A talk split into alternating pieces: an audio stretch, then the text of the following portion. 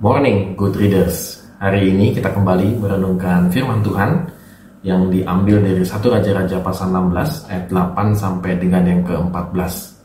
Saya tetap, tetap mengharapkan Anda membaca semua bagian ini karena tidak terlalu banyak begitu ya.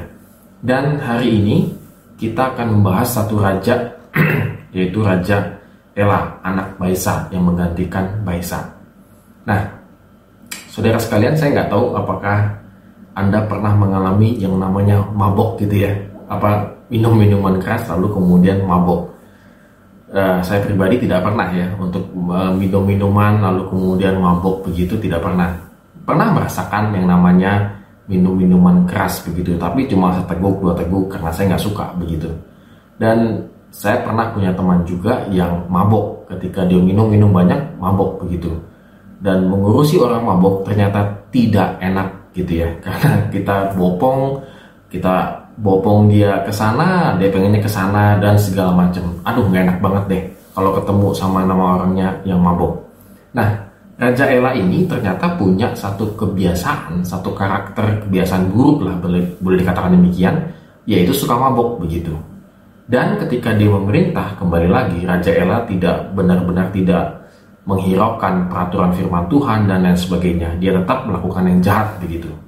Dan akhirnya ada satu pegawainya yaitu Zimri, kepala uh, panglima dari kerajaan Israel ini, itu berencana untuk mengkudeta Ela. Dan Zimri tahu apa kebiasaan daripada Raja Ela ini, yaitu mabuk. Maka di ayat yang ke-9 dikatakan ketika ia minum-minum sampai mabuk di Tirsa, di rumah Arza yang menjadikan kepala istana di Tirsa. Jadi di saat itulah akhirnya Ella dibunuh oleh Simri. Lalu kemudian cerita ini berlanjut bahwa Simri itu menjadi raja. Artinya dia mengangkat dirinya sebenarnya gitu ya. Karena dia sudah berhasil membunuh raja, dia menjadi raja begitu. Menggantikan Ella. Dan ketika dia menjadi raja, maka seluruh keluarganya Baisa dan juga Ella itu dibunuh oleh Simri. Dulu juga Baisa sama melakukan hal yang sama, mengkudeta, lalu kemudian dia dikudeta lagi dan dibunuh semuanya. Memang satu sisi ini adalah boleh dikatakan sih memang pengenapan Tuhan dan penghukuman Tuhan itu sendiri. Kalau dikatakan di ayat ke-13 dikatakan sehingga mereka menimbulkan sakit hati Tuhan Allah Israel dengan dewa-dewa kesia-siaan mereka.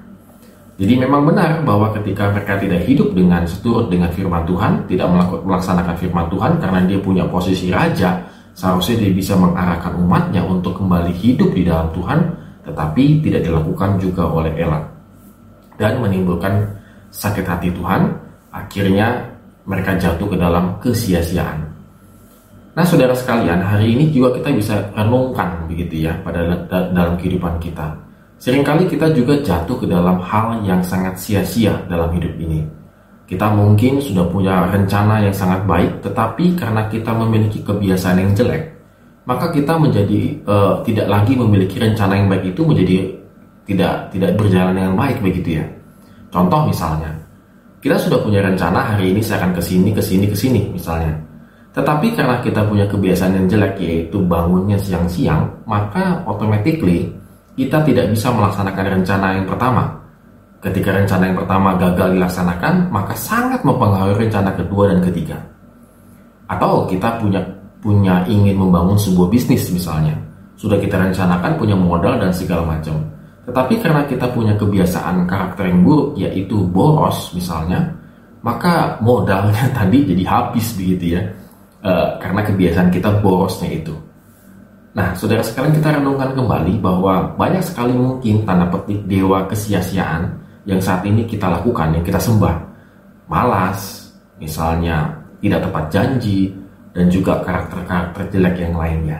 Nah, hal ini bisa membuat menjadi kita gagal untuk maju, gagal untuk berkembang. Oleh karena itu pada hari ini kembali lagi kita pikirkan bersama-sama, kita renungkan bersama-sama apakah saya punya kesia-siaan dalam hidup ini yang masih saya lakukan sampai detik ini.